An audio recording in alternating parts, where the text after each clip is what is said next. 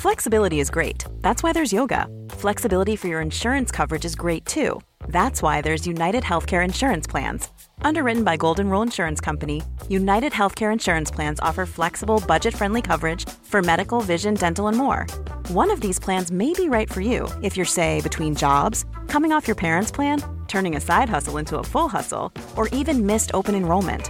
Want more flexibility? Find out more about United Healthcare Insurance Plans at uh1.com. Even when we're on a budget, we still deserve nice things. Quince is a place to scoop up stunning high end goods for 50 to 80% less than similar brands. They have buttery soft cashmere sweaters starting at $50, luxurious Italian leather bags, and so much more. Plus, Quince only works with factories that use safe, ethical, and responsible manufacturing. Get the high-end goods you'll love without the high price tag with Quince. Go to quince.com/style for free shipping and 365-day returns. Systrarna Elvstrands hästpodd är producerad av Media House by RF.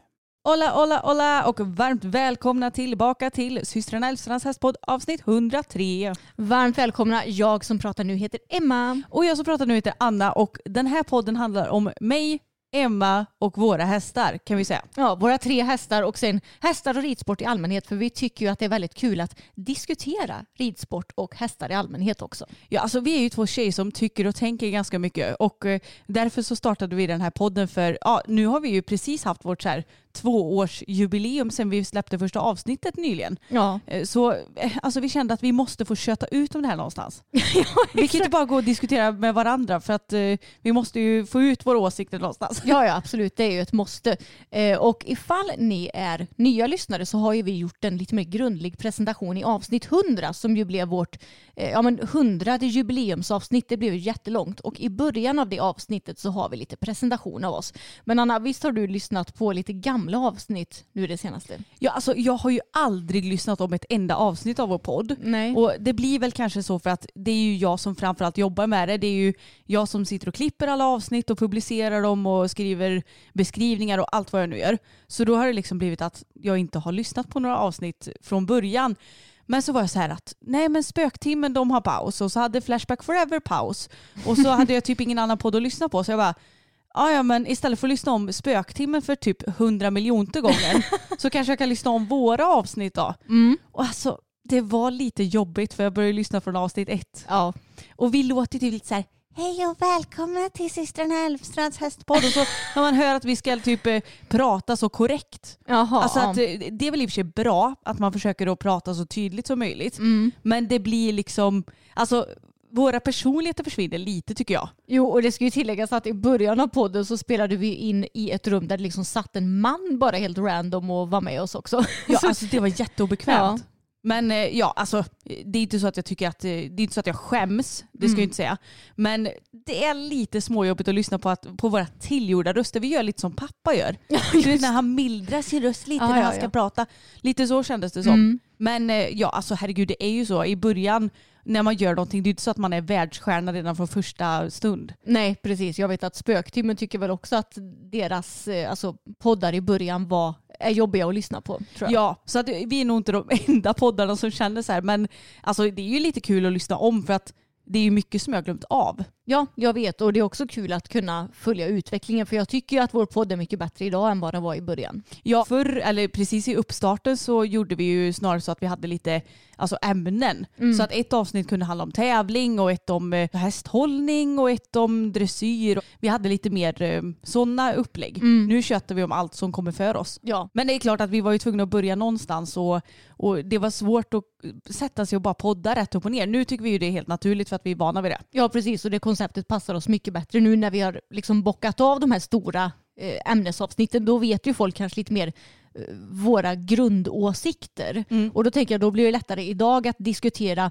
ja, men om vi har sett någon artikel vi vill diskutera eller om det har kommit ut någon nyhet liksom som vi, vi vill diskutera. Så vi, det, de gamla avsnitten är ändå en bra grund tycker jag. Ja det är de och jag har nog inte hunnit lyssna mer än typ tre, fyra stycken för att de är ju ganska långa, så våra poddar. Så Mm. det är inte så att jag har hunnit att lyssna så många. Men alltså, jag ska nog ta och beta mig igenom alla våra avsnitt tror jag.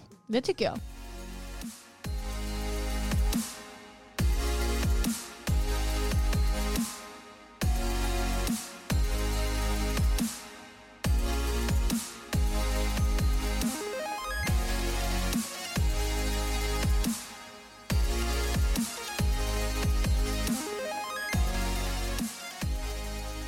Men hur är läget med dig idag Ansi?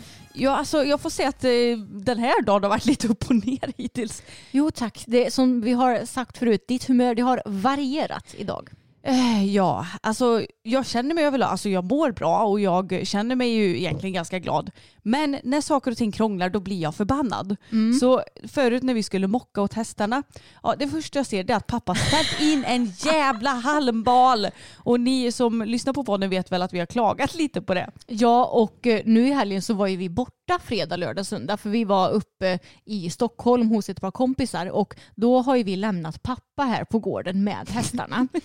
och har inte vi sagt till honom förut att han inte ska ställa in någon mer val? Alltså jag vet inte om jag har sagt det ordagrant men jag vet att jag har klagat om halmmängden till mamma och att hon har sagt det till pappa. Ja. Så att han borde ju veta om det. Ja, men så lämnar man ju då gården oövervakad i två dagar. Och vad händer då när man kommer tillbaka? Jo, han har ställt in ännu en halmbal och våra hästar de bara bajsar i den där halmbalen. De står och trycker på den och så bajsar de i, i den så att liksom bajset hamnar och man knappt kan mocka upp det. Och det blir mer och mer halm i den där lösdriften. Alltså nu är vi uppe på liksom en lösdriftsbädd på 50-70 centimeter och sådär. Det blir lite jobbigt för oss. Ja, alltså det är en smula jobbigt att mocka just nu och jag känner lite så här, ska han fortsätta att köra in så här många balar då vet jag inte vad vi kommer sluta på för höjd. och jag försöker ju desperat att inte få halmen, alltså grejen är så här, det finns ju många sätt att ha en lösdrift på. Vi har ju valt att inte ha någon så här balk längst ner för att då kan man enkelt ta en skopa och alltså när man ska tumma lösdriften så kan man bara skyffla ut det väldigt enkelt, eller ja, väldigt enkelt är ju kanske lite överdrivet men, men enklare i alla fall. Men jag försöker ju desperat att få den här kanten att verkligen vara inne under taket. Men eh, det blir ju svårare och svårare ju mer halm det kommer där inne. Så ja, då blev jag lite trött. Och sen så när vi hade mockat klart då var jag tvungen att tumma skopan för att vi slänger all skit i en traktorskopa och så åker vi och slänger den på gödselha gödselhagen. Gödselhögen skulle jag säga. Eh, och Alltså det har aldrig varit några bekymmer att få på skopan på traktorn tidigare. Men nu har tydligen någon fjäder lossnat så att eh, pappa har gjort någon egen anordning när du ska låsa så här. För eh, den måste ju låsas fast så att man ska kunna tippa skopan. Och det hade han inte sagt till dig då? Eh, nej, så att jag fattar ju ingenting. Och när jag skulle få på skopan, nej, men då, alltså den studsade av som en jävla studsboll. och då blev jag, jag bara jaha. Och så gick jag ut och så rättade jag till den här spärren för den hade ju slängts igen då trots att skopan inte satt på. Och så gjorde den så en gång till. Och alltså jag var så arg så jag bara okej nu vill jag ju bara skrika rakt ut. Men eh, där så tog jag faktiskt tre djupa andetag, var lite mogen för en gångs skull. Och sen när jag tittar, går runt och tittar på skopan, alltså den har ju tappat typ hälften av allt gödsel. Ja. För att den hade studsat av två gånger. Och då blev jag så jävla arg, rent ut sagt. Så ringde jag till pappa och bara du får komma och hjälpa mig. Och då, jag sa inte att du måste komma nu, men då kom han ju på en gång. Ja. Så att eh, jag, jag la upp en liten story på min Instagram och skrev att räddningstjänsten har kommit. Nej, men alltså, jag, ja, jag, blir så irriterad och grejen är att det är ju väldigt dumt att bli arg på materiella ting för de kan ju inte rå för det. Men jag blir så trött bara när det inte funkar. Jo, jag vet. Men det har ju varierat lite grann ditt humör idag. Det började ju på morgonen när du kom hit så var du lite småtjurig. Eh, sen så Var hade- jag det? Ja, men, ja, det var ju inte världens mest positiva Nej, energi okej får då. jag ju säga. Men sen så blev du glad när du red fokus för han var fin och jag red tagen samtidigt och han var fin också. Men sen kom vi tillbaka till stallet och då kom ju tjurbiggan Anna tillbaka igen. Det här var ju då innan den här incidenten med traktorn. Och då blir du så här, du blev sur på mig för att jag inte hade stängt dörren till stallet för att du tyckte att det blev kallt. Medan jag tänkte att jag ska liksom bara ja, men fixa med Tage och sen så ska jag gå och hämta ja, men utrustningen som var i transporten. Så jag kände att det är liksom ingen idé att stänga den dörren när jag ska ut igen om en minut. Men det hängde du upp dig som fan på. Ja, jag vet inte vad som hände där riktigt. Nej. Jag, jag, jag vet inte. Jag har bara varit lite så här. Överlag så har jag fått lite mer eh, humörsvängningar den senaste tiden. Eller ja, den senaste tiden har ju pågått ett tag nu. Ja, och ni som tror att vi aldrig bråkar, alltså vi gör ju typ aldrig det, men när vi bråkar så är det ju om sådana här grejer. Så Men vi kan ju- alltså skulle du klassa det som ett bråk idag? nej, nej. nej. alltså snarare en liten konflikt, eh, eller konfliktintresse. Ja, lite tjafs. Och det går ju över på en minut bokstavligt talat. Ja, så, ja. ja, som sagt, vi bråkar ju aldrig, men ibland så är vi ju inte alltså, lika bra kompisar som vi är de flesta gånger. Nej, men jag tänker att det hade varit helt orimligt om vi varit superduper mega kompisar när vi ses sju dagar i veckan, 365 dagar om året ungefär. Mm. Och sen sa du till mig idag också, vad, vad var det du sa? Att, att du ska göra allt så himla krångligt hela tiden. ja, och då sa jag, eh, nej det är ju precis det jag inte gör. Jag vill ju alltid göra allt så enkelt som möjligt hela tiden. Det är ju det som är definitionen av en lat människa, som Ja. ju jag är i grund och botten. Det är ju för sig sant. Jag vet inte vad jag tänkte på just då. Nej, jag fattar inte heller. Det är, om det är någon som gör någonting krångligt så är det ju du som ska göra så här, minsta lilla detalj, fixa grejer som jag tycker är helt onödiga i alltså, det långa loppet. Men vet du vad, du hade hunnit med de här grejerna om du inte varit en sån förbannat snigel. Men, men Anna, det är, på en, eh, det är ju på ett ställe som jag inte är en snigel. Alltså herregud. Vi har ju som sagt varit i Stockholm Mm. och då så körde Emma med sin inom citationstecken bil, det vill säga pappas Mm. Merca som vi ju eh, har lagt beslag på för att det är ju hästbilen. Så då har Mm. vi alltid den. Och alltså Emma, eh, jag, jag vill inte gå, gå ut och säga att du kör som en blådåre men du kör fan lite fort alltså. Ja, och framförallt så får jag ju panik på folk som kör enligt mig långsamt. ja och det vill säga folk som kör typ lagligt. Ja, och det är många gånger, eh, speciellt på vägen hem från Stockholm, som jag eh, sa ungefär jävla snigel eller snigeljävel till de som körde framför mig. Ja det är tur att de inte hör vad du säger. Mm. Nej alltså, det, jag, jag brukar ju somna i bilen men jag kan säga att det, det, det går inte när Emma kör. Det, svänger och man, man liksom flaxar runt där i sätet. Ja, du, alltså, du visade det så himla kul förut. Att du liksom så åker från sida till sida så här i bilen.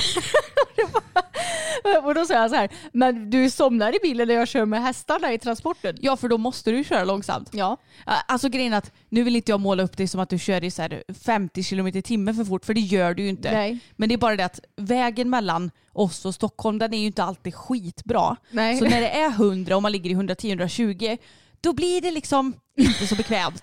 Men det fattar ju inte du för att du kör och du tycker att det är bekvämt då. Mm. Alltså jag, jag, jag är ju, man är ju sån, när man kör själv så tänker man inte på att det kan vara obekvämt för andra riktigt. Nej. För att då vet du att ja, men nu kommer det en sväng och så här, men jag som inte kör man bara Mm. uh. Ja men hur mår du då? Jo men jag mår eh, bra. Jag var lite trött i morse men eh, nu så känner jag mig piggare för vi har inte sovit så jättemycket i natt. Dels tror jag att det beror på att jag sov så fruktansvärt mycket natten mellan lördag till söndag och idag är det måndag och om jag har sovit här jättebra i natt så kan det bli lite svårt för mig att sova bra nästa natt. Ja. Men eh, efter ett ridpass och ett träningspass och pizza till lunch och jag vet vad ni alla tänker nu. Var den kall eller var den varm? Jo men den var relativt varm. Relativt. Så inget utbrott den här gången. Nej det var skönt. Alltså grejen att jag har ju haft några utbrott så att det kanske hade jämnat ut sig om du hade fått något litet utbrott. Jo men precis. Nej men alltså vi har ju haft en helt fantastisk helg i Stockholm Mm. hos våra kompisar och vi, vi hittade ju på lite grejer. Vi var ju Mm. faktiskt på escape room Ja. vilket vi aldrig har varit på tidigare. Nej, alltså vi har ju bara varit på Bodaborg och det är ju inte riktigt som escape room för du ska ju ta dig igenom olika celler och har du klarat en cell går du vidare till nästa cell. Men också ifall du gör något misstag i den cellen så måste du ju börja om från början vilket ju är lite frustrerande. Men eh, på det här escape roomet, alltså du vågar ju testa mycket mer för att du behöver inte vara orolig för att du ska behöva börja om från början. Eh, och vi gjorde ju ett escape room som heter Livstid där det började med att vi satt i två stycken fängelseceller. Vi hade delat upp vår grupp i två grupper så den ena satt i ena cellen och de andra i den andra cellen. Och sen skulle vi ja, men, rymma från fängelset kort och gott. Mm, och vi lyckades ju. Ja, det gjorde vi. Det blev ett jäkla hjärnsläpp där i mitten där vi var helt så här lost med vad vi skulle göra. Mm. Men till slut så lyckades vi. Ja och vi var i Fox in a box i Stockholm och det var faktiskt skitbra. Mm. Så det kan jag verkligen rekommendera och jag blir ju så sugen på att prova fler. Ja, jag med. Det är det som är det roliga på Bodaborg för att det är ju snarlikt kan man ju ändå säga. Mm. Men jag menar där kan du ju vara hur länge som helst tills du typ inte orkar mer. Mm. Men här var det så här, ja men vi skulle göra ett rum och man hade en timme på sig och sen när man var klar med det, ja men då var man ju klar liksom. Mm. Ja, men alltså, vi är ju så nördiga när det kommer till sånt där. Vi är ju, ja, jag är 30 år och du fyller ju 30 om ett par år. Mm. Och vi är ju så nördiga, vi älskar ju att leka. Så vi har ju sagt du och jag att vi ska åka med vår kompis Elina en hel helg till ett Bodaborg nu i vår och, och, liksom, och leka och sova över där så att man har gott om tid på sig att klara cellerna. Ja, men alltså det är så himla roligt med sådana här aktiviteter tycker jag. Mm. För att man får Ja, men på Bodaborg får man ju använda både hjärna och kropp lite grann. Och på, man, ja, men jag vet inte, det är så här, man måste ju underhålla den barnsliga sidan också. Ja. Jag är inte sån så att jag bara bara vill ut och typ dricka vin och äta middag utan Nej. man ska ju ha något kul också. Och vi blir ju aldrig trötta heller. Nej nej nej, alltså vi tröttnar aldrig. Nej. nej så att vi har haft det skitbra verkligen och det är så härligt att träffa kompisar och jag har verkligen skrattat så jag inte fått luft i helgen. Mm. För att vi, man skrattar så mycket så att man knappt kan andas. Mm. Det var välbehövligt även om man alltid saknar ju hästarna när man är iväg. Det får man erkänna. Precis, men jag tror också det är bra att vara iväg från hästarna ibland så att vi verkligen får motivationen nu när vi är tillbaka hos dem igen. Mm, exakt. Och eh, nu börjar ju ändå tävlingsterminen närma sig lite grann. Och nu till helgen så ska jag och Bella på vår första pay and jump. Och jag menar vi har ju inte varit ute och hoppat sedan klubbmästerskapet i hoppning i november. Vi har ju bara tränat efter det. Så sen så hade hon ju lite hoppvila också mitt eh, där i vintern. Så jag är väldigt taggad och hon känns ju väldigt fin så det ska bli skitkul. Ja det ska bli askul att åka med också. Det var länge sedan man var ute på något tävlingsrelaterat nu så nu Mm. suger det i den. Alltså varför säger man att det suger i tarmen? Ja, det låter jätteäckligt. Ja, och nu i eftermiddag efter att vi har spelat in det här avsnittet så ska jag rida lite dressyr på Bälsan.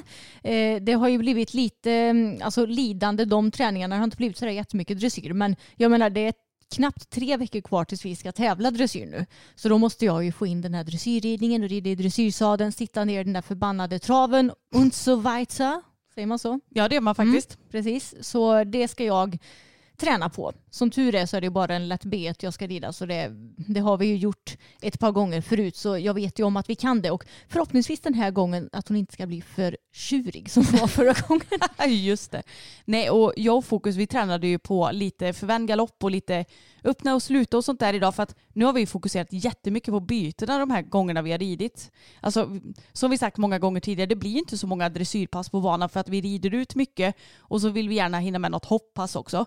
Men eh, det var ju inga bekymmer med den förvända galoppen eller något. Nej, För jag har ju varit lite så här, folk pratar om att åh, tänk, eller det, man kan typ inte rida med så C och med så B samtidigt för att hästarna lär sig att byta galopp och bla bla bla. Och alltså jag vet inte, det kanske kan vara sant på några hästar. Men jag tänker också att alltså en häst ska ju helst veta att nu är det förvänd galopp och nu lägger jag en byteshjälp. mm. Och att den ska kunna skilja på det och det kändes ändå som att Fokus gjorde det nu ja ja och det tror jag att alla hästar gör men om du sitter och tänker att nu får hästen inte, eller nu får du inte byta galopp, nu får du inte byta galopp då säger ju din hjärna åt dig bokstavligt talat att byt galopp. Ja, för hjärnan kan ju inte riktigt uppfatta ordet inte. nej. Så då blir det ju, om du tänker byt inte galopp, då gör du säkerligen något omedvetet med din kropp som får hästen att byta galopp. Det är inte så att en häst bara, nu har jag lärt mig att byta galopp så nu ska jag göra det hela tiden, utan den gör ju det som du säger åt den att göra. Ja, jag tänker det också. Så ja, men det ska bli spännande. Jag ser verkligen fram emot att dra igång tävlingsterminen nu. Jag är taggad. Me too. Nu när vi inte har haft några dressyrträningar som dragit igång varannan onsdag så har vi passat på att åka hem till vår tränare Sten och hoppträna, vilket vi har pratat om tidigare. Och det gjorde vi även i onsdags. Så då styrde vi bilen mot Sten och alltså pappa, det är ju ett bekymmer med honom också. Jag vill verkligen inte klanka ner på vår far för han är verkligen så bra på alla sätt och vis. Men som alla människor så har han några flas. Ja. Och en av hans flas det är att han vet vilka vägar som är bäst. Ja. Det här har vi ju dragits med genom alla år egentligen. Och mm. Även när man förr i tiden inte hade så smartphones och sånt där så fick man ju typ ja, skriva ut vägbeskrivningar till tävlingsplatser mm. och så skulle man ju gärna följa dem. Men pappa sa jag vet en bättre väg och så hamnar man på villovägar och kom typ för sent. Alltså ja. det har ju hänt ett par gånger. Ja det hände när jag var typ så 14 18 och skulle tävla med vår första Bosse. Mm. Alltså jag var så jävla arg då för att han tog någon jävla väg för att han trodde att den skulle vara snabbare men sen så visade det sig att vi kom vilse istället. Och eh, nu när vi skulle till Sten förra gången det finns ju lite olika vägar att ta till Sten. Han bor ju ja, men på landet och eh, antingen kan du ta den smidigaste vägen på E20 och sen på en ja, men en större väg och sen är man nästan framme hos honom. Eller så kan man åka på lite mindre vägar som kanske är snabbare rent fågelvägsmässigt.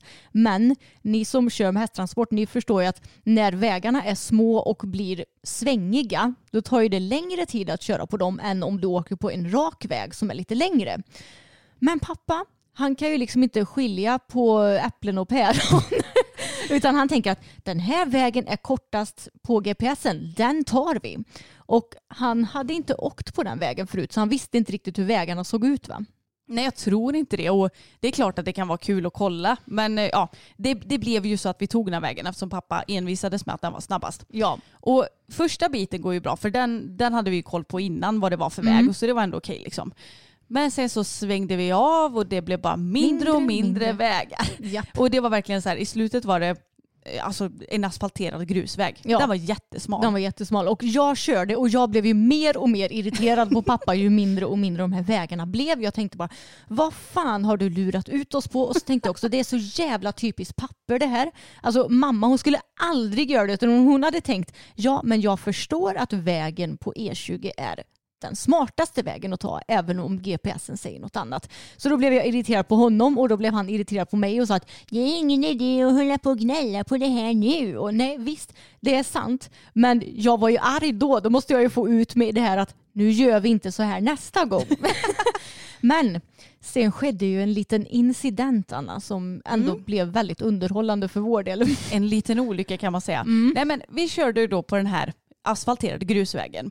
Och då får vi möte av en lastbil med släp. Och vi bara fan. Och då hade vi precis passerat en mötesplatsskylt. Eller vi var nästan precis vid den. Mm. Ja. Men man kan ju inte tvärnita med en hästtransport. Nej. Så det kändes väldigt dumdristigt. Så som tur var så kunde den här lastbilen backa lite och då fanns det som en liten sidoväg på, ja, vad ska man säga, på vänster sida. Ja. Så då tänkte vi att ja, men då kör vi in där så kan ju den lastbilen passera.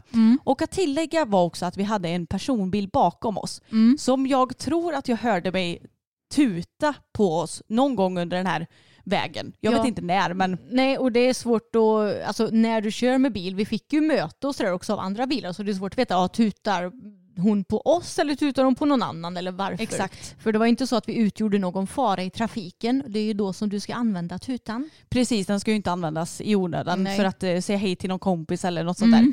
Nej men så då lyckades lastbilen backa så att vi kunde köra in där. Och då tittar jag bakåt i min backspegel och ser den personbilen ligga typ i diket med så här, alltså det såg helt sjukt ut för att jag kan säga att det var tre däck som var i backen och det ena lyfte. Så den låg inte ner i diket rätt ner sig utan den låg på sidan slash i diket. Och jag bara, men herregud. Och så ser jag bara hur den typ tar sats och kommer upp på vägen igen. Och jag såg på hela så här bilens rörelsemönster hur förbannad människan i bilen var. Och sen så knixade människan till sig lite och så körde den här människan fram lite och så öppnas dörren och hon ja, jag vet inte, kutar typ fram till våran dörr. Så då började jag veva ner rutan för jag satt i fram och pappa satt bakom mig. Och så satt ju du och körde. Ja. Så hon kommer ju vid min sida så här. Så jag öppnar rutan så här. Och då bara hon skriker. Det där hade aldrig hänt om inte ni hade släppt förbi mig för länge sedan. Skriker hon typ i mitt ansikte. Och och jag kommer inte ihåg vad pappa sa. Han bara, men lugna ner. Eller sa han inte Ja, något sånt där? jo, säkert här, men lugna ner dig nu eller något Ja. sånt där tror jag han sa. Ja, och jag blev helt chockad. Jag bara, åh herregud. Så här.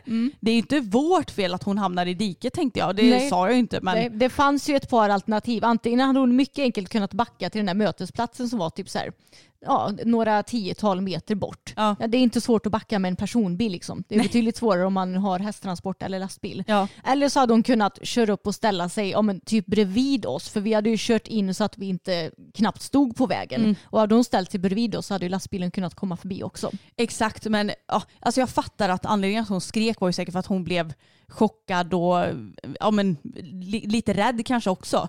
Jo. Men det är ingen anledning att skrika på oss för det. Och det sjuka var att hon, hon lät ju inte ens mig ha kvar rutan uppe utan hon slet ju upp bildörren. Jag vet inte om jag sa det. Nej. Nej. Jag tror inte det. Men hon, hon verkligen slet upp bildörren vid mig så här, och skrek där till mig. Ja, och sen när hon hade skrikit klart, alltså jag har aldrig hört en människa drämma igen en bildörr så hårt. Hon smällde igen den med all kraft hon hade. Och då blev jag så jävla arg. För jag kan tycka så här, ja, om jag blir sur, säg att jag hade blivit arg på dig så här, och du ska typ lämna av mig någonstans. Ja, då hade jag väl kunnat smälla lite i min bildörr, alltså om det är våran bil. Liksom. Men att smälla igen en annan människas bildörr, det, det var droppen som fick bägaren att rinna över för mig. Så då, då skriker jag efter henne, men du smäller väl inte igen bildörren din jävla kärring, eller vad var det jag sa? Alltså jag kunde verkligen inte hålla mig. Jag blev Nej. så jävla arg. Det var ju en kärring också. Ja. Mm. Det Alltså, det. det, det är inte okej att bete sig så här oavsett. Vi, vi hade ju inte gjort några fel. Nej, Sen så är det klart att alltså, hade vi haft möjlighet att släppa förbi henne, ja då hade man kunnat göra det. Men det fanns liksom inte något ställe där vi kunde släppa förbi henne direkt. nej, precis. Och vi har ju lika mycket rätt att vara på den vägen som hon har. Ja. Det är ju som vår medryttare Sigrid säger att folk, hon, hon är ju inte 18 än så hon har en, eh, säger man epatraktor? Ja, jag tror det. Ja. En moppebil. Ja, en ju. moppebil eh, som ju inte går så snabbt. Då. Och hon säger att ja, folk blir ju typ sura på mig men jag har ju lika mycket rätt att vara på den här vägen som alla andra. Ja. Och det har hon ju. Och jag menar, det är samma sak ifall vi skulle hamna bakom ja, men typ en traktor eller något sådär. Du förstår ju att de har ju också lika mycket rätt att vara på den vägen som vi har. Och man förväntar sig inte att en traktor ska liksom flytta på sig för att vi ska kunna köra förbi. Nej, det är klart att man kan svära lite att ha, ja, nu, nu går det långsamt här. Och, men jag menar, vad ska den göra då? Alltså den kan ju inte hela tiden ställa sig åt sidan och sen köra vidare för den har väl säkert också en tid att passa. Ja, exakt. Nej, så att, det var en väldigt rolig situation det här och eh, jag har nog aldrig kallat en annan människa Nej. för jävla kärring Nej, tror jag. Alltså, jag blev nästan lite så här, när du sa det så gick min puls upp lite grann för jag tänkte men gud tänk om hon kommer tillbaks typ och ska så här, börja slå dig eller någonting för det hade inte, alltså jag hade inte blivit förvånad för hon var så jävla arg. Ja, alltså det hade inte förvånat mig heller. Men eh, ja, jag kan nog slåss. Om, Ja. det, ska, om det ska till. Ja men det var så jävla kul verkligen för jag satt ju som sagt på förarstället och precis när jag hade ställt mig där så såg jag, alltså jag vände min blick lite åt höger och jag, i min, mitt minne så var ju typ, alltså båda bakdäcken stod rätt upp så att hon liksom stod med näsan i diket men det, så, så var det ju inte riktigt då. Nej, eller om det, det gjorde det och att jag såg när hon typ försökte ta sig upp så hon faktiskt stod på tre hjul då. jag för, vet inte. Nej, för, jag, jag, för min, mina ögon såg att hon stod med liksom nosen i diket, båda bakdäcken upp i luften och sen att hon liksom studsade tillbaka igen. Ja. Och jag fattar för det första inte hur fan hon lyckades ens komma dit. Alltså vad hade hon planerat att göra undrar Jag har ingen aning. Och jag undrar också hur hon tog sig upp. Alltså hur var det möjligt ens? Mm. jag Hon, inte. studsade verkligen upp på vägen igen. Och jag undrar ju verkligen vad den här lastbilschauffören Jag tänkte. vet, alltså han måste ju ha fått sig världens roligaste underhållning där för han stod ju bara och väntade på att ja, men hon skulle krångla sig. På, alltså jag, jag ställde mig där snabbt och sen så, var det ju, så hade ju hon kunnat göra något annat men då valde ju hon att köra ner i diket istället. Då. Ja, och kom och skälla på Ja, oss. och kom och skälla på oss. Alltså, han borde ju verkligen ha haft popcornskålen där för det var ju väldigt bra underhållning för hans del. Ja, men alltså det sjuka var att hon hade ju fått plats, för vi stod lite som en banan så här. Så hon hade ju fått plats att ställa sig bredvid oss eller vad man skulle säga. Och då hade det kanske blivit lite awkward att vi precis har bråkat eller så. Men då hade hon ju kunnat ställa sig där så hade han eh, lastbilschauffören enkelt kunnat köra förbi. Men nej, istället så envisades hon med att stå kvar typ lite grann på vägen fast alltså så långt hon kunde åt det hållet så att hon skulle släppa förbi lastbilen. Och då sa jag och pappa det att tänk om nu marken släpper för att det har ju varit kaosväder här hur länge som helst nu att det har varit snö och is och sen har det smält och blivit plusgrader och den här dagen var det ju typ så här 6-7 plusgrader något sånt. Så då kan ju Alltså om tjälen släpper så kan ju det, marken ju vika. Och vi sa det, tänk om han lägger sig här nu. Men han kommer ju förbi, tack och lov. Ja, det var ju en väldigt stor lastbil som också hade massa grus. Mm. Så jag menar den vägde ju mycket. Och det var, alltså, det var precis, det såg ut som att den var så jävla nära diket han körde. Så Mm. jag tänkte bara nej, hoppas att inte han ramlar ner och fastnar där nu. Nej, eller hur? Men det klarar sig. Nej men alltså, jag, jag måste ju tillägga att det är klart att man inte ska alltså, kalla någon vid fula ord.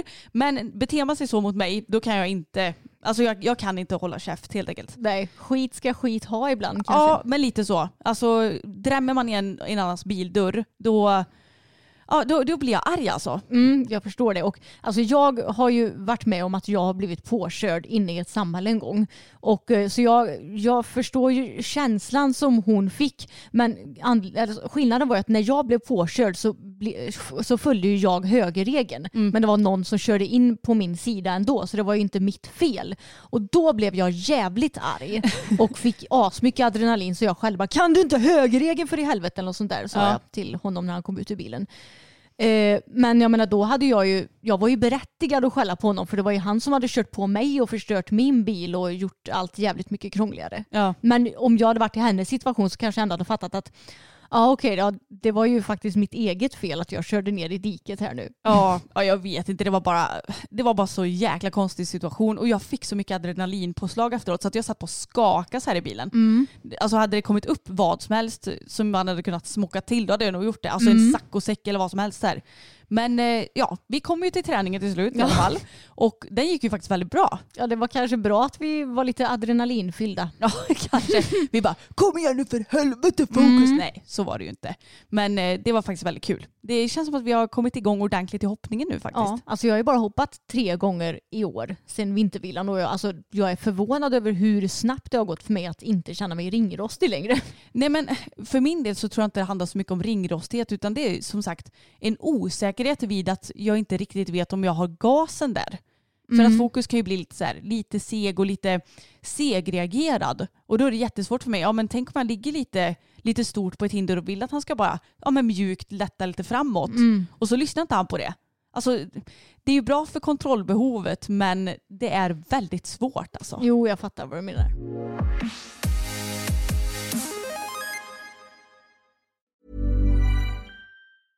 Mother's Day is around the corner. Find the perfect gift for the mom in your life with a stunning piece of jewelry from Blue Nile. From timeless pearls to dazzling gemstones, Blue Nile has something she'll adore. Need it fast? Most items can ship overnight. Plus, enjoy guaranteed free shipping and returns. Don't miss our special Mother's Day deals. Save big on the season's most beautiful trends. For a limited time, get up to 50% off by going to BlueNile.com. That's BlueNile.com. Hey, it's Danny Pellegrino from Everything Iconic. Ready to upgrade your style game without blowing your budget? Check out Quince. They've got all the good stuff shirts and polos, activewear, and fine leather goods, all at 50 to 80% less than other high end brands. And the best part? They're all about safe, ethical, and responsible manufacturing. Get that luxury vibe without the luxury price tag. Hit up quince.com slash upgrade for free shipping and 365 day returns on your next order. That's quince.com slash upgrade. Ja, men jag sa ju förut att den här lastbilschauffören att eh, han borde haft en skål med popcorn för att se underhållningen när tanten körde ner i diket. Och jag kände förra veckan när jag var på gymmet att jag hade också behövt ha en skål popcorn. Jaha, Vet du var du sugen eller? Nej, jag var inte sugen men Nej. jag kände att det hade passat in emellan sätten för då satt jag nämligen och läste artiklar och kommentarer. På? Facebook och Hipson. Okej, men då får du berätta vad de handlar om då. Jo, eh, förra veckan, precis innan att vi spelade in förra veckans poddavsnitt, så släpptes det en artikel på Hipson om en hoppryttare som har jobbat utomlands och som hade tagit med sig lite nya, inom stationstecken, influencer hem till Sverige när det kom till hästhållning. Och eh, det var många som ville att vi skulle prata om det, men vi hann ju inte göra det förra veckan. Nej. Men det var kanske tur det, för nu har det kommit ytterligare ett par artiklar om det här, så att jag tänker att då kan vi väva ihop hela säcken och diskutera allting. Och som vanligt när det handlar om hästhållning så blir det ju många kommentarer på sociala medier och många som tycker till. Och jag tycker ju att sånt är kul. Då vill jag ju sitta där med popcornskålen och bara läsa allting och bara ja, jag håller med den personen och jag håller med den personen och den där personen håller jag inte med. Så att man kan eh, känna lite så. Jag tycker att det är väldigt kul. Men eh, ska vi ta allting från början kanske Anna? Ja, men det känns väl vettigast va? Okej, men då har jag klickat upp eh, den första artikeln här då och vi kan länka den i beskrivningen. Så om ni är nyfikna på att läsa vidare så kan ni klicka er vidare för att det står nämligen länkat så här, ja men läs mer längst ner i den här artikeln. Och då är det då Mikaela Gustafsson som, eh, ja men hon har ju arbetat utomlands, bland annat hos eh, Henrik von Eckermann och Jannica Sprunger står det.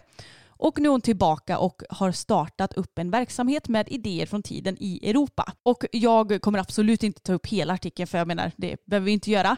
Men då har hon tagit med sig så här att eh, det som är viktigt är ett genomarbetat träningsupplägg. Men framförallt så har hon tagit med sig att hästarna ska få mindre utevistelse. Och det är ju lite kontroversiellt vilket hon ju också nämner. Men eh, då kan jag ju nämna lite här vad det står i artikeln.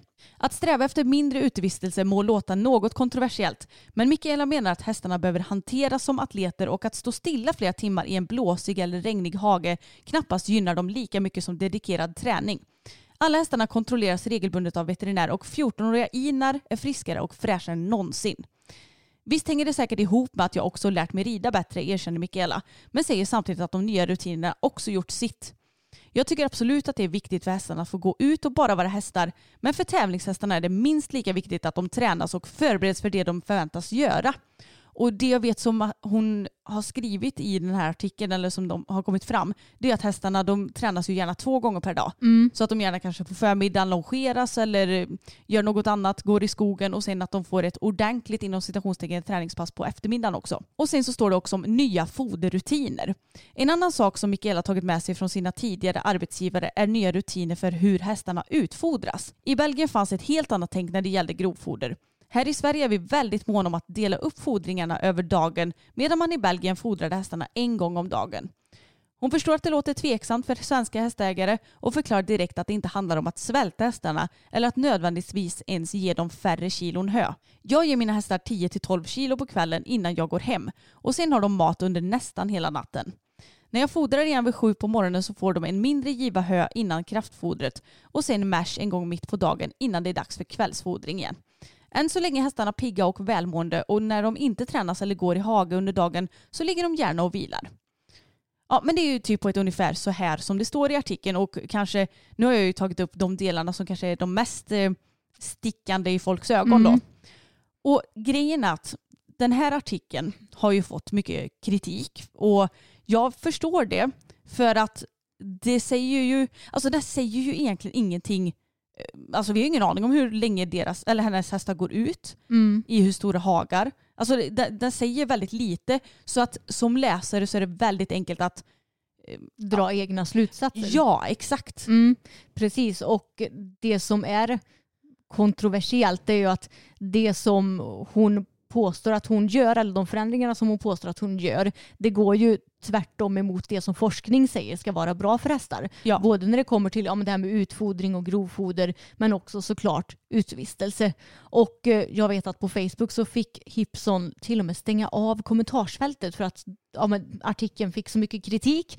Men Alltså jag tycker att det är lite fegt för jag var inne och läste de här kommentarerna på Facebook och jag tyckte att det var överlag väldigt vettiga kommentarer. Det var inga personangrepp utan det var bara konstruktiva kommentarer där de pratade om att eh, ja, men det här är ju tvärt emot det som forskning säger ska vara bra för hästar. Och jag menar det är väl jättebra att det blir en sån diskussion för då kanske fler människor som kanske bara läste den här artikeln och tänkte ja men det där kanske var ett bra tänk, då får de en annan syn på det hela. Och jag vet att Hipson har väl också fått lite kritik för att inte de har kommit med några motfrågor. Alltså kanske lite mer ja, Varför? Ja, varför hon gör på det här sättet.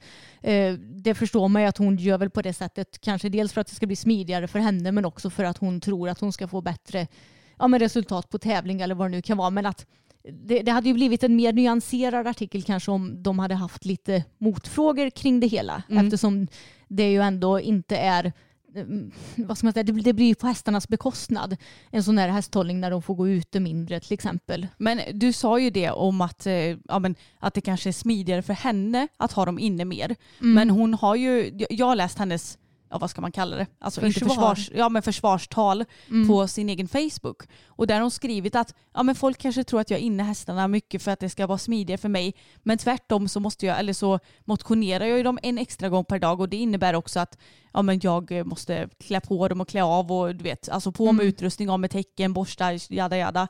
Så det blir ju kanske inte smidigare för henne men ja, jag, jag vet inte. För min del så är det fortfarande stort varför gör hon så här? Mer än att hästarna kanske alltså, får ännu bättre kroppar. Ja, ja men du fattar, blir ännu starkare och smidigare och whatever. Ja, alltså det som inte jag förstår det är varför man inte kan motionera hästarna två gånger om dagen och fortfarande låta dem gå ut i hagen. Nej, precis. Alltså varför måste de stå inne på box? Och det roliga också som jag har sett att folk har kommenterat med att ja, är det enda alternativet att hästarna ska stå stilla ute i små blåsiga och regniga hagar. Mm. Alltså det, man kan tycka att det borde finnas fler alternativ än så. Ja, Och jag vill minnas att hon i det hon skrev på sin Facebook sa att det finns tillräckligt med hagar för alla hästar på gården. Så att det inte borde bero på platsbrist då att hon väljer att ha dem inne. nej att hon behöver växla mellan olika Ja, hästar så. Nej, precis. nej men precis. Och jag, som du säger, jag förstår inte riktigt heller varför det ena måste utesluta det andra. Nej, Det, det är ju ingen som säger att du inte kan, det är ingen som säger att vi inte kan motionera våra hästar två gånger per dag. mm. Det kanske de till och med hade mått bra av. ja. Att man typ tar någon promenad på morgonen och sen rider på eftermiddagen. Men alltså gud den tiden har ju inte vi. Nej.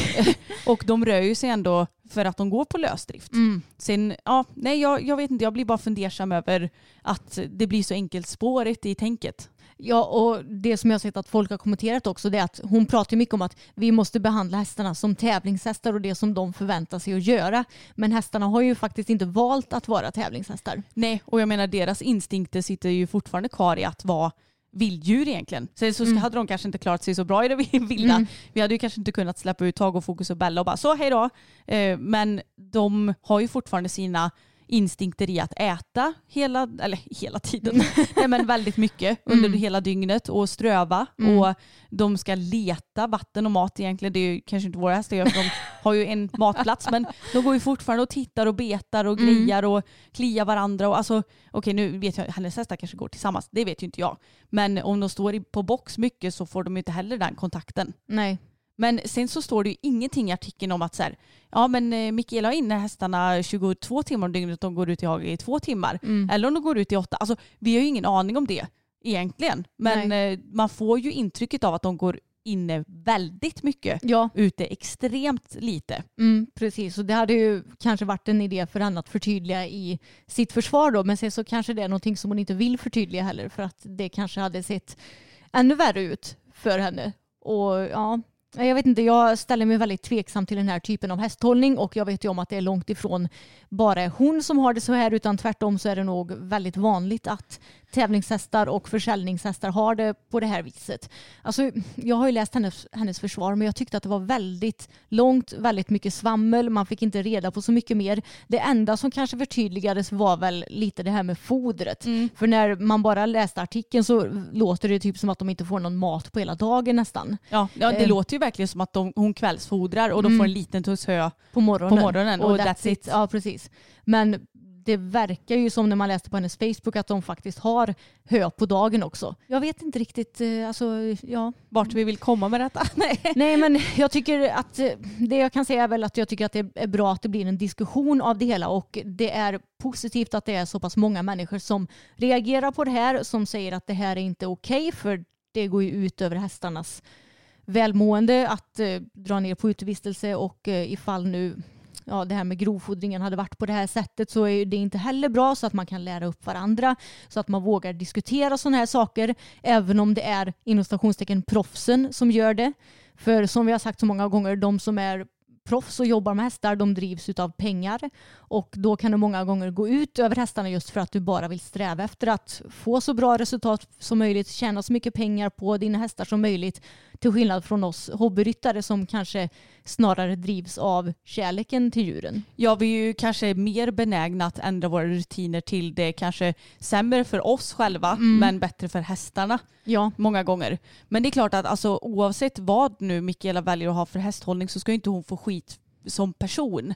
Alltså man ska ju inte gå på personangrepp och allt sånt här. Men det som du och jag diskuterar det är ju, det är ju alltså hästhållningen mm. och vad vi tycker är rätt och fel. Mm. Sen så är vi helt fine med att alla inte tycker lika.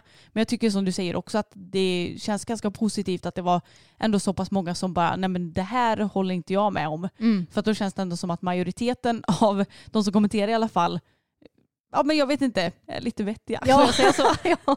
Och efter att Hipson hade släppt den här artikeln som vi pratade om nyss och sen även en artikel ja, men där Mikaelas försvar lades ut så har det till och med kommit en tredje artikel nu. Eller snarare en krönika. Och jag måste ju ta upp den också för jag tycker att det är relevant med det vi har pratat om tidigare. En fråga, är det Mikaela som har skrivit krönikan eller är det någon journalist? Nej, det är Hipsons nyhetschef som har skrivit den. Hipsons nyhetschef, okej? Mm. Och jag tänker att jag kan lika gärna läsa hela krönikan för eh, det är lite svårt att välja ut vad jag ska ha med och inte. Okej, och den heter Inte för att jag läst artikeln, men... Punkt, punkt, punkt. Kommentaren i rubriken dyker allt som oftast upp i vårt kommentarsfält på Facebook. Många gånger tar vårt kommentarsfält vägen någon helt annanstans än vad artikeln vi länkat till alls handlade om. Och väldigt många gånger är kommentarsfältsvägen riktigt obehaglig och framförallt osaklig. Helt nyligen har kommentarsfältet helt kört i diket vid ett par tillfällen. Dels när vi rapporterade om årets första föl, ett arabföl, dels när en ung ryttare berättade om sin verksamhet med influenser från tiden utomlands. Hipson klarar av att ta kritik, vi har ett ansvar att hantera era reaktioner. Men ofta är det som vi intervjuar inte medievana. Vi berättar om gräsrötterna, första gångs hästägaren, nysvenskar som fått möjlighet att rida bland många andra. De har inte det pansar som behövs för att stå emot hatdrevet i sociala medier. Risken är att till slut vågar ingen låta sig intervjuas då de riskerar att hängas ut i sociala medier. Och sen så skriver de i en liten bit att deras strävan är att hålla sig objektiva till det de skriver om. Vi har inte ansvar för hästvälfärden i Sverige. Vi har inte ansvar för hur den nya hästägaren stallar upp sin häst eller hur elitryttaren sköter sina hästar. Men vi kan ge en bra mix av läsning om hästhållning, om hästars behov, om forskningsresultat kring foder, hästhållning, hull, sjukdomar med mera. Vi vet också att det alltid finns en nyfikenhet att få se hur proffsen sköter sina hästar och då låter vi dem berätta om det. Men om vi gör en intervju om årets första föl så är inte det en intervju om uppfödarens avelsmål. Om vi gör en intervju med en ryttare om dennes verksamhet så är inte det en heltäckande bild av hela verksamheten. Det är ett nedslag i en del av den för vi är begränsade i omfång. Om en intervjuperson uttrycker en åsikt i en intervju så blir inte det Hipsons åsikt. Vi välkomnar debatt. Vi vill ha era synpunkter och åsikter. Ofta leder de vidare till nya frågeställningar, nya artiklar och nya vinklar. För det är vi tacksamma. Men min uppmaning till er alla är samma som jag alltid gett till mina barn. Det ni skriver i sociala medier i skydd bakom en anonymiserad skärm, det ska ni våga säga till personen i fråga om ni möts i verkligheten. Ja, alltså jag... Den här krönikan, den känns också väldigt luddig och som något sorts försvarstal för dem. Nu har inte jag läst den här artikeln om fölet och sett vad som har skrivits om det på Facebook. Men jag har ju läst den här artikeln om Mikaela. Och ja, alltså jag vet inte hur många kommentarer de har tagit bort. Det verkar inte som att det har varit så där jättemånga baserat på vad jag har läst i kommentarer. Och som sagt, det som jag läste det var absolut inget hat mot Mikaela som person utan det var bara kommentarer kring ja, men hur en bra hästhållning kanske bör se ut. Mm. Så jag fattar inte, det, det låter ju inte alls som att de vill ha någon diskussion. Nej, alltså som jag sa tidigare, det är klart som tusan att inte Mikaela personligen ska få en massa hat, för att det förtjänar hon ju inte. Men att man ifrågasätter hästhållningen, det tycker inte jag är något konstigt. Och det är klart att det är säkert skittufft att någon ifrågasätter ens hästhållning om man nu verkligen tror på den. Men som vi nämnt lite tidigare, att om man nu till 100% kan stå för sin hästhållning, då borde inte lite kritik bekomma en tänker jag. Nej, exakt. Jag vet inte.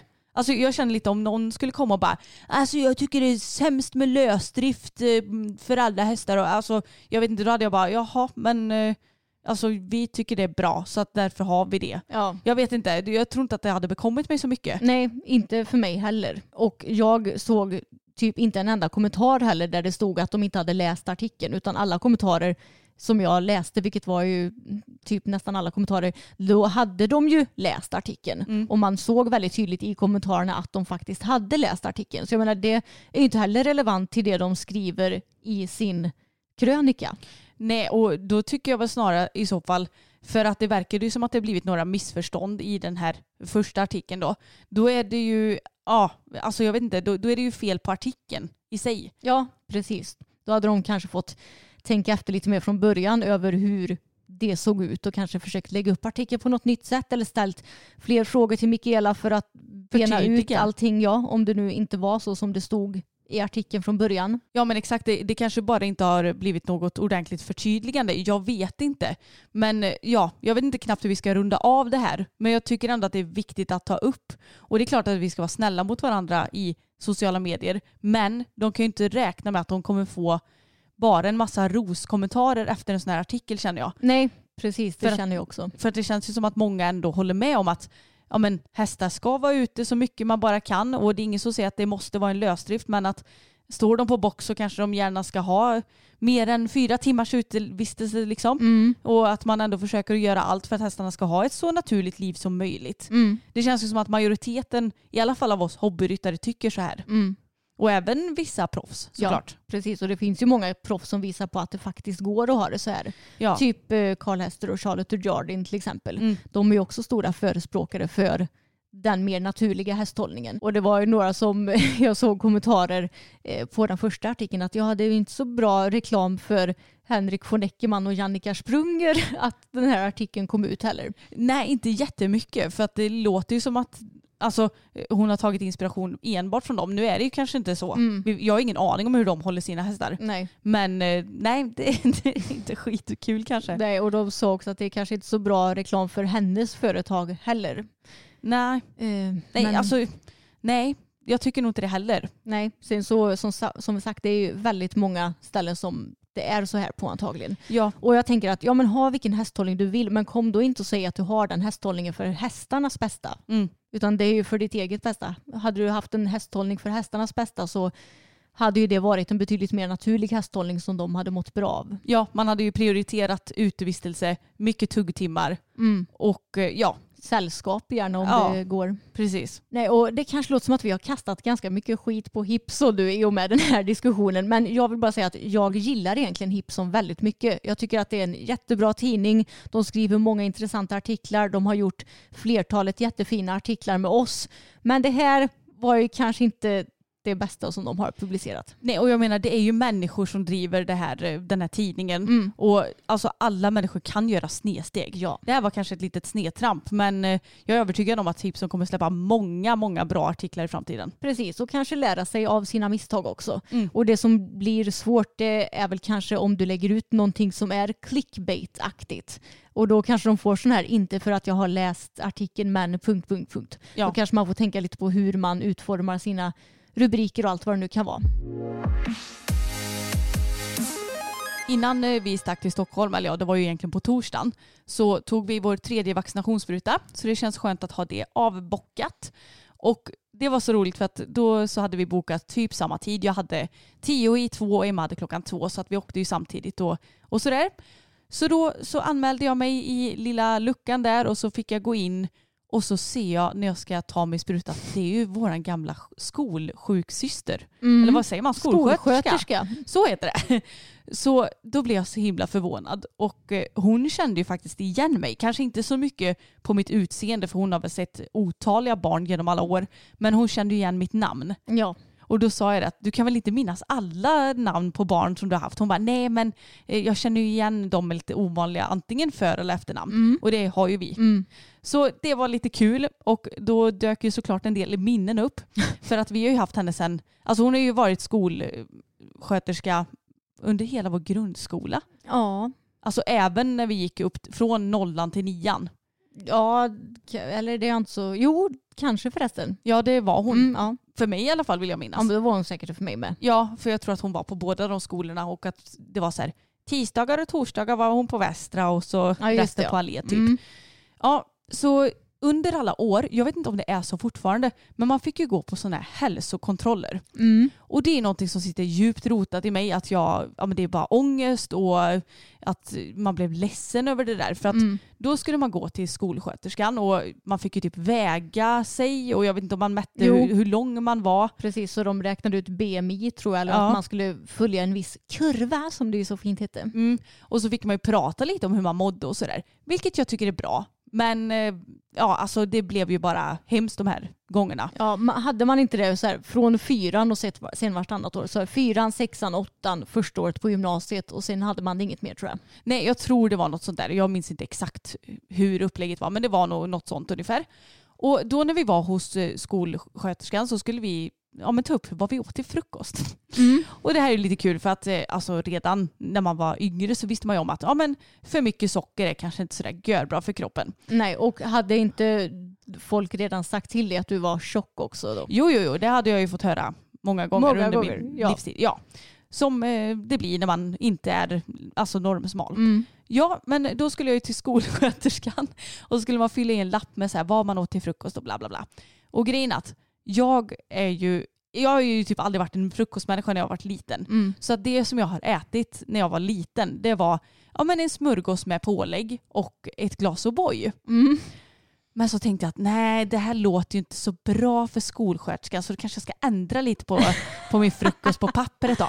Ja, men jag skriver att jag dricker ett glas juice istället Mm. för O'boy. Tänkte att gud vad smart jag var nu. Ja, verkligen. Nej, men då när jag väl satt där med min lapp, då sa hon ju det att det här med juice va, det är inte så himla bra för det är mycket fruktsocker i det.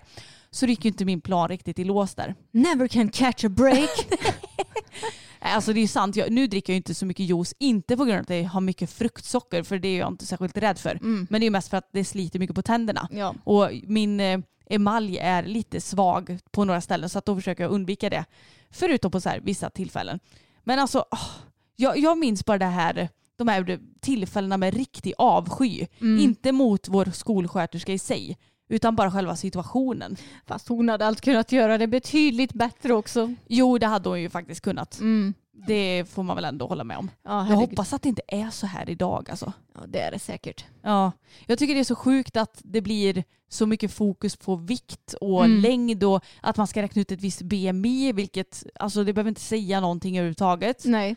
Och jag vet att det var så många gånger för att det blir ju också så när man var barn, då var man så här, ah, men hur mycket vägde du och hur mycket vägde du och så pratades det om det för att Mm. alla gick typ och vägde och mätte sig på samma dag eller sådär. Mm. Och då när jag, ja, jag ville ju helst inte se vad jag vägde Nej. för det har jag alltid haft ångest för. Mm. Alltså redan från liten ålder. Men så sa man vad man vägde och då sa de oj, vägde du så mycket? Du ser inte ut att väga så mycket. Mm. Ja, det, det, alltså fy fan vad det tog på mitt självförtroende alltså. Ja, jag vet, mitt med. Jag hade sån ångest inför varje, vartannat år när vi skulle ha de här ja, hälsokontrollerna. Usch, usch, så hemskt. Och jag tycker det är så jävla märkligt också att ha det liksom innan du kommer i puberteten. Mm. Alltså det finns ju många som kanske är lite knubbiga innan du kommer i puberteten men jag vet i alla fall jag själv. Jag jämnades ju ut mycket mer i kroppen när jag växte. Ja. Eh, Och därför tycker jag det är väldigt konstigt att du ska göra sådana här kontroller på små barn för det kan ändras så mycket helt naturligt också. Ja, alltså jag tycker det är så konstigt för att det, det kallas ju för hälsokontroller. Men jag hade nog mått jäkligt mycket bättre om vi inte hade haft dem. Ja, och jag tänker att är det någonting så borde väl det snarare vara så här att ens föräldrar får lära sig vad ska du ge din, ditt barn för mat för att det ska må så bra som möjligt Mm. och sådär. Det ska inte en skolsköterska säga, nej du är tjock. Jag har ju sagt det här förut i podden men alltså när jag var typ så här sju år, jag tror jag gick i ettan, då fick ju jag bara ta mat en gång i skolan och jag vill minnas att jag inte heller fick dricka mjölk utan att jag var tvungen att dricka vatten för att Ja, det var väl läraren antar jag som tyckte att jag var för tjock. Mm. Och Det är helt sjukt att man ska bli begränsad i sitt matintag när man är sju år. Exakt, och jag kan känna lite så här också, vad, vad hade det gjort för skillnad? Mm. Och va- vad skulle det hjälpa dig om du får ta en portion mat? Mm. Då blir du ju, vad säger man, alltså selekterad. Mm. Att du, du får inte ta mer än en portion mat, men alla andra får det. Hur, men reagerade du någonting på det när du var liten? Minns du det? Hmm. Jag vet ju att du Ja. sa att du lärde dig att ta mycket mat på en gång Jo. istället. Ja. precis, så jag, jag var väl smart och visste hur jag skulle komma undan det. Men jag fattade ju inte heller syftet med varför jag var tvungen att ta alltså, Nej. mindre mat. Nej, tack och lov att de inte sa det. Det hade varit jättekonstigt. Bara, Ja, men "Aj, jag- Vi tycker att du är lite värst. Alltså jag fattade ju att de tyckte att jag var för tjock, men jag ja. såg inte vad problemet var. För Nej. att jag hade inget problem med att jag var för tjock. Men sen så fick jag ju problem med det eftersom folk höll på att kommentera det hela jävla tiden. Mm. Ja, alltså jag blir så jäkla ledsen över det här och det dök verkligen upp sådana minnen när jag såg henne också. Mm. Men ja, hon var bra på att ta sprutan i alla fall för jag kände ingenting. Nej, och det gjorde faktiskt jag. Alltså det har varit så här, första sprutan kändes lite grann, andra sprutan kändes ingenting så man var så här, har ni ens tagit en spruta? Mm. Och nu tredje sprutan, ja det kändes ganska mycket. Men jag har inte fått en enda biverkning efter någon av sprutorna. Nej det har ju jag fått. Jag har ju fått ledvärk och ont i höger armhåla där de har tagit sprutan. Ja, Mm. Okej de tog ju inte sprutan i armhåla vill jag förtydliga. Nej. Men eh, på den armen de tog. Mm. Nej men så att jag eh, hoppas verkligen att det är lite bättre på skolor idag alltså. Ja. Och framförallt så blir jag så här också att det som borde spela störst roll det är ju psykiska måendet. Precis. Och inte så här, ah, du, du väger två kilo för mycket. För Mm. mycket för vem då? För pappret eller? Ja, precis. Nej, och efter att vi hade tagit våra sprutor då så ska, ska man ju sitta där i en kvart efteråt och ta det lugnt. Och vi blev ju så flummiga. Ja, och vi blev ju klara typ exakt samtidigt Ja. också för vi, kom, vi fick ju komma in samtidigt båda två. Precis, så det var inte så bra att vi satt där och asgarvade typ hur mycket som helst när det satt lite andra folk där. Och då, ja, då skämtade vi ju dels om det här som vi pratade om nu. Att jag eh, snikade undan med juice istället och att fan det, Ja. hjälpte inte. Det hjälpte inte att du tänkte att du skulle vara så smart där. Ja. Eh, och sen så kom ju du också på det att ja, men varför ska vi sitta här i en kvart egentligen? Vad skulle de göra om jag fick något så här, ja, men krampanfall eller någonting och det skulle ramla ner på golvet? Bara, Ja, alltså, nu vet inte jag vad, vad som kan hända om man tar sprutan och att varför man vill sitta en kvart. Alltså om det finns någonting de kan stoppa, det kanske Mm. de kan. Men jag känner lite så här, lilla, lilla Vara med så här, vårdcentralen som byggdes för tusen år sedan och som aldrig har renoverats sedan dess. Och, Mm. alltså, som lite halvkompetent personal är Mm. där ibland, märker man ju när man väl behöver söka vård. Mm. Så jag kände lite så här, om jag nu skulle få något anfall, vad fan skulle de göra då? Ja, vad skulle de stackars tanterna som är där och jobbar med, med vaccinationen Ja, göra? jobbar typ fri. Det är så pensionerade Mm. sjuksköterskor som får göra det här bara för att det måste göras typ. Mm. Vilket ju är guld. Alltså herregud, det är inte de jag klagar Nej. på. Men ja, då, då skämtade vi jättemycket om Ja, det. Vad skulle du göra? Det är inte så att vi är på ett stort sjukhus liksom, där du kan få vård om det skulle behövas. Nej, nej verkligen inte. Jag vet inte vad de kan göra åt saken. Nej. De kanske hade någon så här antichockspruta som de kan hugga i benet. vad vet jag? Ja, Det är ju tur att det har gått bra för oss i alla fall. Ja, det har gått väldigt bra. Okej, som avslutning av det här avsnittet så måste jag bara ta upp en grej som hände förra veckan som jag tyckte var ganska så sjuk. Och det var så att jag fick ett DM av en person som vi ja, känner väl inom hästvärlden kan man säga. Jag vill inte hänga ut henne för då kanske man kan lista ut lite väl enkelt vem det är. Ja, nej, det, det, är, ju, det är ju irrelevant. Ja, det är irrelevant. Men från en tjej som vi känner inom hästvärlden så fick jag ett DM. Och då skrev hon, hej Emma, hoppas allt är bra med er. Har ni köpt Fokus från ett försäljningsstall som heter hm, hm, hm. För jag behöver inte hänga ut det försäljningsstallet heller.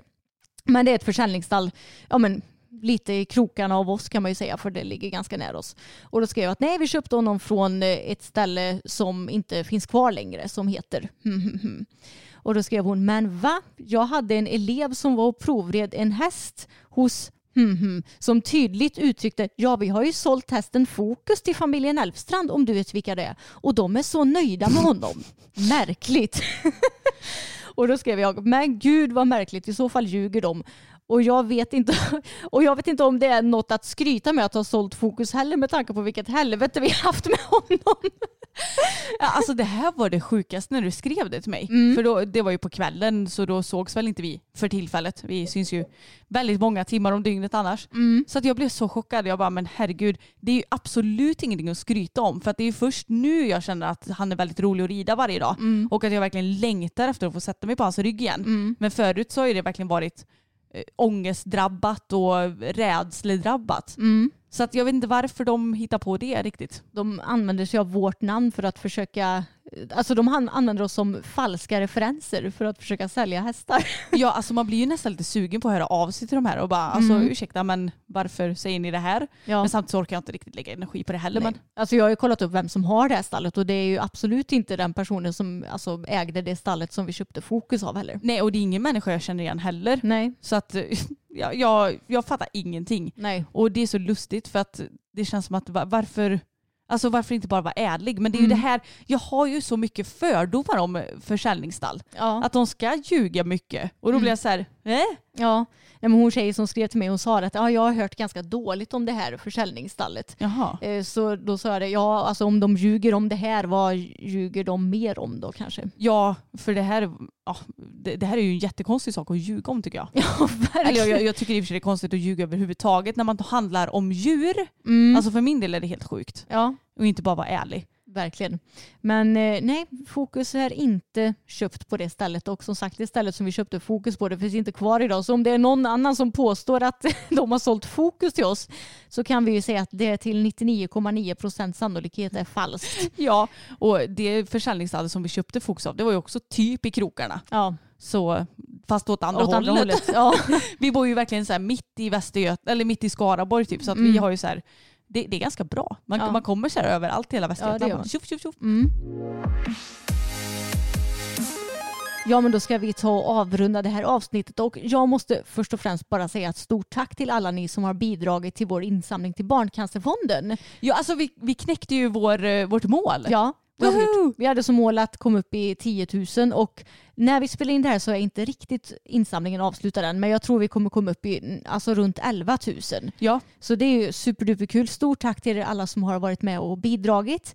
Och eh, ifall ni inte prenumererar på podden så se till att göra det så missar ni inte när vi släpper något nytt avsnitt. Och ni får också jättegärna prenumerera på vår YouTube-kanal som heter systrarna Älvstrand. Och även följa oss på Instagram där vi heter systrarna Älvstrand. ja, det är samma överallt så det är inte så svårt att hitta oss. Nej, Ha det gött hörni så hörs vi nästa vecka. det gör vi. Hej då! Mom deserves the best, and there's no better place to shop for Mother's Day than Whole Foods Market. They're your destination for unbeatable savings, from premium gifts to show-stopping flowers and irresistible desserts. Start by saving 33% with Prime on all body care and candles. Then get a 15-stem bunch of tulips for just $9.99 each with Prime. Round out Mom's menu with festive rosé, irresistible berry chantilly cake, and more special treats. Come celebrate Mother's Day at Whole Foods Market. Mom deserves the best, and there's no better place to shop for Mother's Day than Whole Foods Market. They're your destination for unbeatable savings, from premium gifts to show-stopping flowers and irresistible desserts. Start by saving 33% with Prime on all body care and candles. Then get a 15-stem bunch of tulips for just $9.99 each with Prime. Round out Mom's menu with festive rosé, irresistible berry chantilly cake, and more special treats. Come celebrate Mother's Day at Whole Foods Market. Target.